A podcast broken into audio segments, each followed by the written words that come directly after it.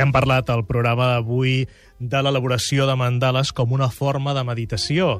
I dirà la seva també l'Àlex Rovira. Àlex, benvingut. Molt bon dia, Gaspar. Doncs uh, l'acte d'atenció, prestar atenció. L'atenció és avui la paraula clau del bloc de notes de l'Àlex Rovira. Correcte, perquè tota forma de meditació no deixa de ser una forma d'atenció. L'atenció parla atendre, d'un anar la ment cap a quelcom a través d'una acció. L'atenció és, és quelcom paradoxal, perquè és un acte senzill, però que ben entès i ben aplicat genera grans beneficis en, en la memòria, en l'apertura, en la creativitat.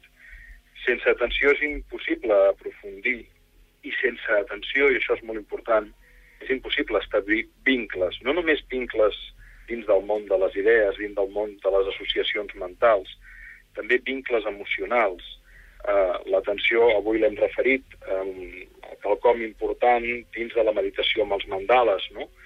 Però també podem parlar d'una atenció cap a nosaltres i cap a l'altre, una atenció que vincula les persones.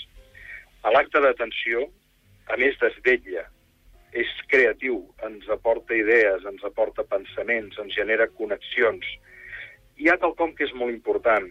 L'atenció va molt més enllà de la intenció és eh, un pas més enllà i d'alguna manera ens ajuda a desenvolupar el nostre potencial eh, amb totes les dimensions. Per tant, volia fer aquest breu apunt perquè pot semblar que l'acte de meditar a través d'un mandala algú pot malentendre més aviat com un passatemps.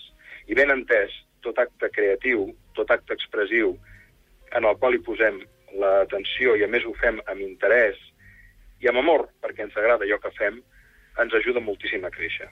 Eren les idees que volia transmetre avui a partir del, del bloc de notes, Gaspar. Moltíssimes gràcies, Àlex. És un bon contrapunt, un bon complement de tot el que hem dit abans. Moltíssimes gràcies. Doncs, Àlex, que tinguis molt bona setmana. Una forta abraçada. Una forta